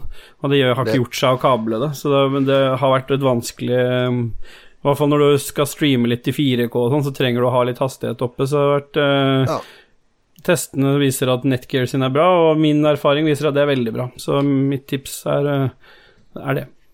Var det Det var vanskelig å, overtale kona di til å kjøpe en ny TV, men hvor vanskelig var det å Du, vi trenger noen sånne bokser her, så at det blir litt bedre kvalitet når jeg spiller spill online. Det er, Du, det er- du det er ser litt for mye på Netflix, skjønner du, så jeg kan Jeg hakker sånn når jeg spiller. Nei, hun er veldig Hun er veldig snill sånn sett. Og for, det var veldig enkelt å velge det, fordi eh, det viktigste innsalget der er jo på en måte design. Så jeg sa de ser veldig fine ut, de kan stå framme. Og det syns hun de gjorde òg, så det var på en måte hennes synspunkt på det. Du burde jo lage sånne ting som ser ut som blomsterpotter eller fine vaser Ja. eller noe sånt. Ja, men De ser nesten ut som noen vaser, disse her til Ja. Sine. Så det er, du har et poeng der. De lyser sånn pent lite lys oppe som du bare kan slå av. Veldig lett. Veldig sånn enkel app for å koble Den appen som følger med, kan du på en måte enkelt stenge ute enheter hvis du trenger å frigjøre litt hastighet. Og veldig sånn brukervennlig og fint, og fungerer råbra. Så for alle som har litt større plate enn bare 50 kvadrat, så kan det ha noe for seg. Ja, litt snikskryt inni der, men eh, det er overlever vi. Uh, Umbrella Academy på Netflix, altså. Sjekk ut. Uh, All or Nothing Manchester City er vel også på Netflix. Da kan du få Er det mye grining i All or Nothing, forresten, Eh, Det, det, er på, det er på Amazon Prime Video, må vi. Amazon Prime Jeg nekter å se sport hvis det ikke er menn eller kvinner som griner. Profesjonelle utøvere som er griner. Det er tårer. Ja, bra, bra, da kan jeg se det. Netgear Orby, maskenettverk, eh, anbefalt av Ståle og Roadside Picnic fra Arkadio og Boris Strugatski, er min anbefaling. Da har vi bare 10 000 bidrag fra lytterne igjen. Lars Lord Almighty. Ja, vi uh... Hvor mange av disse lytterne Det er vel ingen av disse som har overlevd apokalypsen, så de kommer ikke til å merke hvis vi bare hopper over det her. Jo, men de er ikke helt døde. De, de, de er ikke døde, så vi De hører podkasten vi sender ut fra, fra eh, apokalypseradioen. Vi går på FM. Vi går tilbake til FM. Det er litt kjedelig, for når apokalypsen kommer, så er, har alle dritte i å kjøpe DAB-radio, for det er ingen som gidder å kjøpe DAB-radio. Så har folk kasta FM-radioene sine, så når vi sender det ut på FM, så er det ingen som kan høre. Så det, det har vi fucked oss sjøl. Vi, Men vi, kan, vi, kan gå, vi kan gå tilbake til UHF-radio. Eller VHF, eller hva, hva det er. Ja. Og mobil, og mobil på NMT. Eh, lytterspalten er todelt. Vi har spurt om lytteren, lytterne sine favoritt-apokalypsespill, og vi har hørt hva de vil gjøre når apokalypsen starter. Jeg har plukka ut et knippe av svarene. Mye entusiasme der. Raymond Eikås Caspersen han eh, løfter frem Half-Life 2 og Half-Life-serien som eh, en god serie sånn sett. Aliens fra en annen dimensjon utrydder nesten menneskeheten, og de som overlever, dem blir slaver. Så sier han at Half-Life 2 har også masse små detaljer gjemt i avisutklipp på vegger og lignende, som gir en pekepinn på hva som har skjedd siden det første spillet. Får vi nå Half-Life 3 før Nei. apokalypsen?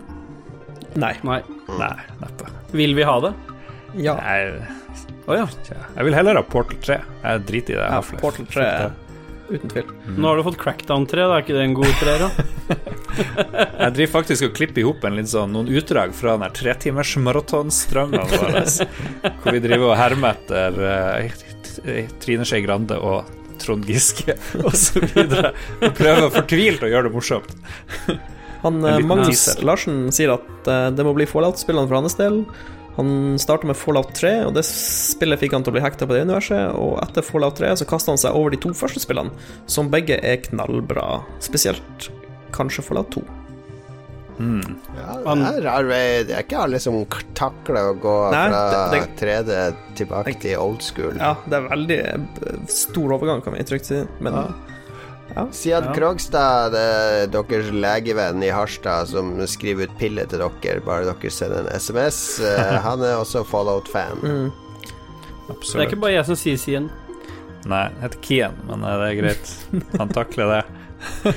Jeg kalte den det i to timer, ja, uten at han sa et Doug eneste ord. Krogstad. Doug, ja.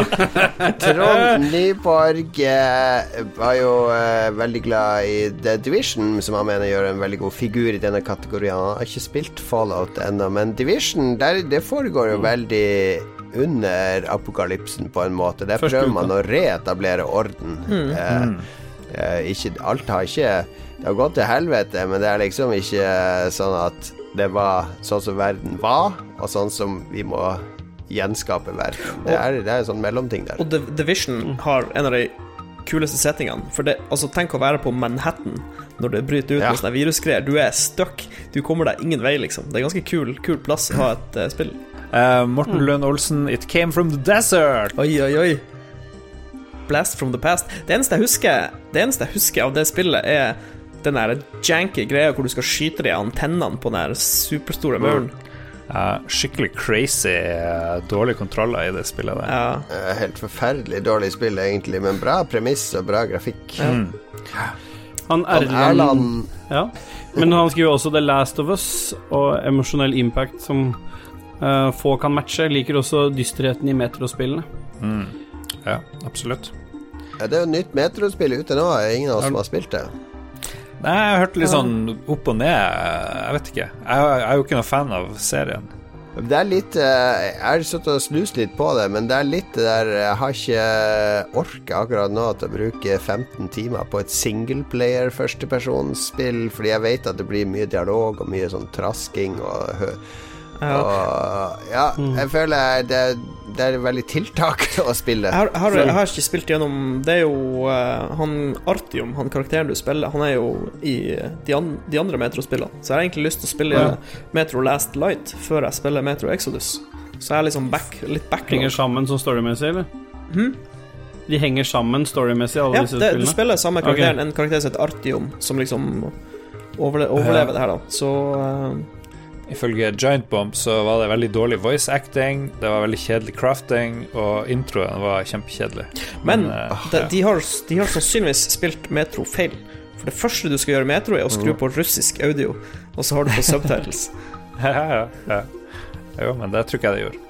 Nei. Men crafting, det, det er noe som bare suger gleden ut av meg i er ethvert er. Spesielt singleplayerspill, der du skal samle på alt mulig skrot og en eh, Jeg har to cloth og én kanne bensin og jeg blir en flaske. Yeah, jeg kan lage en molotov. Bare gi meg den molotoven. La meg finne den molotoven i stedet for å drive og dytte en masse skrot inn i ryggsekken min. Ja, jeg hater crafting. Jeg blir så stressa nå, for jeg føler jeg må plukke opp alt mulig, og så får jeg aldri brukt Ja. det, og så må jeg drive og administrere det og kaste det jeg ikke skal bruke, Føler og jeg så må som jeg Espen Askeladd bare Jeg vet Ja. aldri når jeg kan få bruk for dette skitne håndkleet som ligger her i runkekroken på toalettet. La meg ta med dette utrunka håndkleet, for jeg, plutselig så kan det være at jeg kan lage bandasje av det. Ja, det er jeg enig i. 100 støtte for det. Altså. Det går, det går hardt utover apokalypsesjangeren i dagens episode. Det gjør det. Død over crafting. Alexander Grande mener flashback og Another World til Amiga er apokalypsis. Ja, drar du apokalypsen langt? Herregud, du reiser til en annen dimensjon, gjør du ikke det? Ja, jeg tror, jeg, det er litt tvilsomt om det er apokalypse, men eh, ja. Men Alexander Grande, han har ikke noe med andre artisten å gjøre, han? Trine Skei. Ja, Grande. Nå må ikke vi Det kan godt være at han er nevøen hennes, og så begynner ja, vi å kødde for mye med før. det, og så slutter han å høre på oss, så begynner han å høre på en dårligere pod eller en bedre podkast i stedet. Ok, ok. Hva er det neste spørsmålet du har stilt uh, lytterne, Lars? Jeg har spurt uh, hvordan det vil gå med dem i uh, starten av apokalypsen. Og eh, ja, vi har noen som eh, er veldig negativ. Trygve Bjelvåg sier han kommer til å bli gimp med en gang. Så første uka så tar han det veldig med ro. Rolf Helge Øvergård Ingebrigtsen og gir faen i jobben og holder seg hjemme.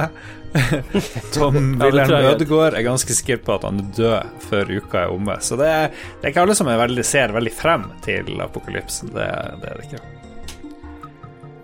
Men han, Stein Suland han har sett Dawn of the Dead, for han skal rette kjøpesenteret og okkupere og befeste det før zombiene kommer. Det er jo genialt. Det er jo en god idé, da. Ja, det eneste som er igjen på kjøpesentrene, er jo klesbutikker og frisører. Så da kan du jo sitte og klippe deg og pynte deg det er til du deilig. sulter i hjel. hvis, det er en, en, en dagligvarebutikk og en XXL på kjøpesenteret, så er du, har du bra utgangspunkt. Ja. Ja, Det har du nok, men jeg er enig i hans game, ja. For han, skriver, han går for å ta over noen lokale McDonald'ser, og det, der er jeg 100 enig. Og så med bakgrunn av at han har sett at eh, cheeseburgerne kan vare i ti år uten noe særlig forandring. Ja. Og det er ganske god mat òg, så hvis du har ti års med cheeseburgere som ser ganske chill ut, så er det jo helt perfekt, det. Hvem trenger hermetikk når du har McDonald's? Når du har McDonald's, nei. Ja. Ja. Aksel Bjerke har det ganske Han har det på stell medisin, våpen, transport, og så vann og mat. Jeg liker våpen og transport før vann og mat. Det, det er bra. Eh, Utfordringen er å unngå de mest eh, sentrale stedene med mest zombier. Her er det tydeligvis et zombiescenario, da. Mm. Hvis du bor nært havet, så er båt en god idé for å regruppere og planlegge raids. Finne en base for å holde til på kort tid, også på lang sikt. Eh, Og så begynne bygginga av den nye verden. Eh, hver gjengjeng bør drøfte rollefordeling i forklart eh, av Forkant, så man kan få en viss idé av hvem som passer som leder, jeger, diplomat, eh, ingeniør osv. Jeg vil Jeg herved føler, jeg, Ja. jeg føler at vi har fordelt ganske bra. Ja. Altså Jeg blir jo lederen. Det sier seg jo sjøl. Eh, mens Lars, nå fant vi rollen din. Du er diplomaten. Hver gang det kommer noen gærninger, så sender vi deg ut for å roe dem ned og forhandle. Det er din skill. Du er avvæpnende, du er ufarlig, du har godt humør, du kan dra frem dine rollefigurer, og der er Mona Merete, eller hva hun og thaidama di og de andre som du driver og eksperimenterer med på Snap. Eh, Mats, du blir jo jegeren, selvfølgelig. Og så eh, Ståle, du blir jo da eh, ingeniøren, altså logistikkansvarlig. Eh, Og medic. Men, med, ja, men vi Ja, bør medic. jo invitere han der Aksel M. Bjerke, for han hører jo veldig eh, stell Han har, han har et godt poeng Ja. òg. Det, som, det som vi er heldige med i Norge, vi har jo ei svær kystlinje, så vi har jo masse fisk vi kan Altså, vi kan få maten rett fra havet, sånn sett. Det er verre hvis du er midt i USA, liksom, ute på en åker. ja. Men jeg prøvde å se den der Fear the Walking Dead, så er det spin-off-serien til The Walking Dead Ja. som foregår i Los Angeles. For der drar de ut på en båt i slutten av første sesongen. Det går ikke veldig bra på den Det går båten. dårlig. Er det, so er det zombiefisk? Det ja, nei, men det Sånn båter sluker bensin, Ja, sånn, for det ja. første, så det avveier ganske mye diesel. Eh, hvis du har en stor sånn motorbåt, yacht-type ting. Ja, det er sant. Eh, men seilbåt kan jo funke, men det er Da må du ha skills. Ja, Da må du kunne seile, liksom. Men jeg kjenner en Ja. Men vi bør jo lære å seile. Kjøre litt Waterworld-trening eh, før Ja. apokalypsen. Det, det tror jeg på. Jeg har en bekjent, en tidligere Dagens Næringsliv-journalist, som er meget, meget dyktig til å seile, så jeg lurer på om vi skal ta med han òg. Veldig bra. Du blinker det er masse lys her. Vi må bli ferdig før strømmen går, eh, folkens. Siste bidrag. Sander Stein sier 'ransak apotekene etter medisin for epilepsi'. Medisinen hans. Det er første pri. Noe å skyte med andre pri. Og så husker han Torbjørn Prøyskau, han ville ha noe sånn insulin, eller jeg vet ikke hva det var. Noen andre ting. Men han sa han ville kjøpe det. Jeg bare det, Pengene dine funker ikke lenger, så Ja, deg i porno. Men det er fordi han sannsynligvis har diabetes, da. Det er det han indirekte sier. det er Ikke sant? det. Men All eh, der, der, der kom vi til slutten. Det har gått dårlig med oss i bunkeren. Vi er tom for mat. Vi kan ikke gå ut. Det er for mye radioaktivitet. eh, vi er slitne, trøtte, holder på å sulte i hjel. Vi må bli enige. Hvem av oss fire skal bli spist først? Jeg, jeg kan komme med et forslag. Eh, det er jo dumt å foreslå seg sjøl, men eh, Hei, er, det- er det et spørsmål? Jeg foreslår meg sjøl rett og Nei, men fordi Ståle. at eh, Ja. Eh, hvis, er sånn, rent hypotetisk, kan du amputere et ledd? ja. Hvis vi liksom tar armen til noen, kan du, ampute, kan du amputere det trygt sånn at en person overlever? Nei. For, for da kan vi liksom Da kan vi spise bare litt av en person. Ja, sånn, ja. ja. Det hadde jeg ikke klart. Men jeg, jeg er villig til å ofre meg sjøl her, fordi at uh... Du hører jo Mats vil ofre ar den ene armen, udugelige armen hans. Uh... Ja, det er Ja. dårlige skuldre. Ja. Men da, da må vi ta opp ved skuldra, da. Nei, jeg, det, er, det ville jeg ikke klart å gjøre. Men hvis vi har med Dere har jo han Hvis vi skal opp til Nora likevel, så har vi jo Kien der. Ja, er han har sikkert kompetansen på det. Keen Og kan dere hadde jo vel anestesidoktorer og tilgjengelig, Det og er da arma, høyrearma til Mats som går først. Fritt for ikke å spise nede ved hånda, for den, den har vært nede og taska mye rart nede i skrittet der, så jeg spiser overarma. Takk. Litt herlig, herlig biceps. Det er godt. Nam-nam, Mats sin biceps, eh, den satt. Eh, Apokalypsesendinga er over. Dette ble jo vår tidenes beste sending, så vi skal bruke til å pitche mye rart. Eh, nei, vi får se hva vi bruker den til. Det var episode 248. Mange lurer på om det skjer noe spesielt rundt episode 250. Eh, vi snakka litt om det, Lars, men det blir eh, det, Vi rekker kanskje ikke å få det til. Nja, det ser dårlig ut. Vi får se. Vi må gjøre noe. Noe må vi gjøre. Noe finner vi på um, jeg, jeg føler nesten at vi burde ha stack-ranka apokalypser. Altså mm zombie, pest Atomkrig. eh, Atomkrig så videre. Eh, men det får bli en annen gang. Det får bli en live-øvelse eller noe. Eh, vi har holdt på altfor lenge, rett og slett. Ja. Vi må, vi må Ja, bare slutte. Det er ikke alltid noe negativt, det. Fordi at uh, her hjemme så pleier jeg aldri å få beskjed om å skynde meg. Fall ikke med enkelte ting.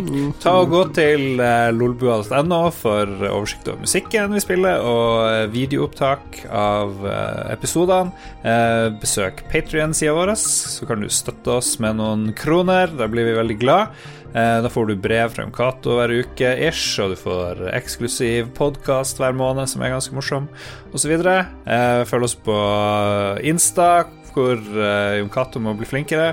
Uh, følg oss på Eh, Hvor er det man følger oss? Soundcloud har vi. Eh, Facebook. Hello. Hello. Entourage. Eh, Lolboy Entourage har du i tillegg på Facebook. Um, LinkedIn. LinkedIn. Youporn.com slash Der er Lolboy. Der er vi. Um, Og takk til våre produsenter, Lars. TTMXMP, Rolf Helge Ingebrigtsen Rolf Helge Jeg glemt hva det heter. Og Øvergård Ingebrigtsen. Og Kobrakar69, som han nå heter. 84.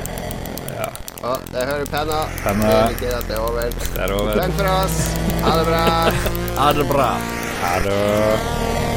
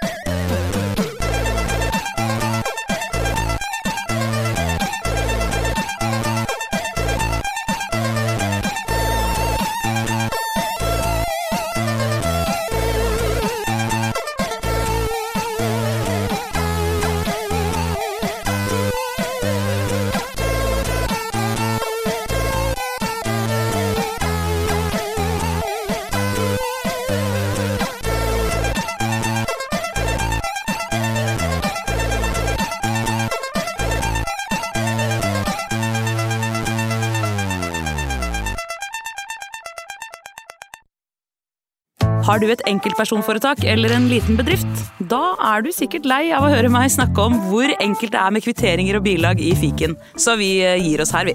Fordi vi liker enkelt. Fiken superenkelt regnskap.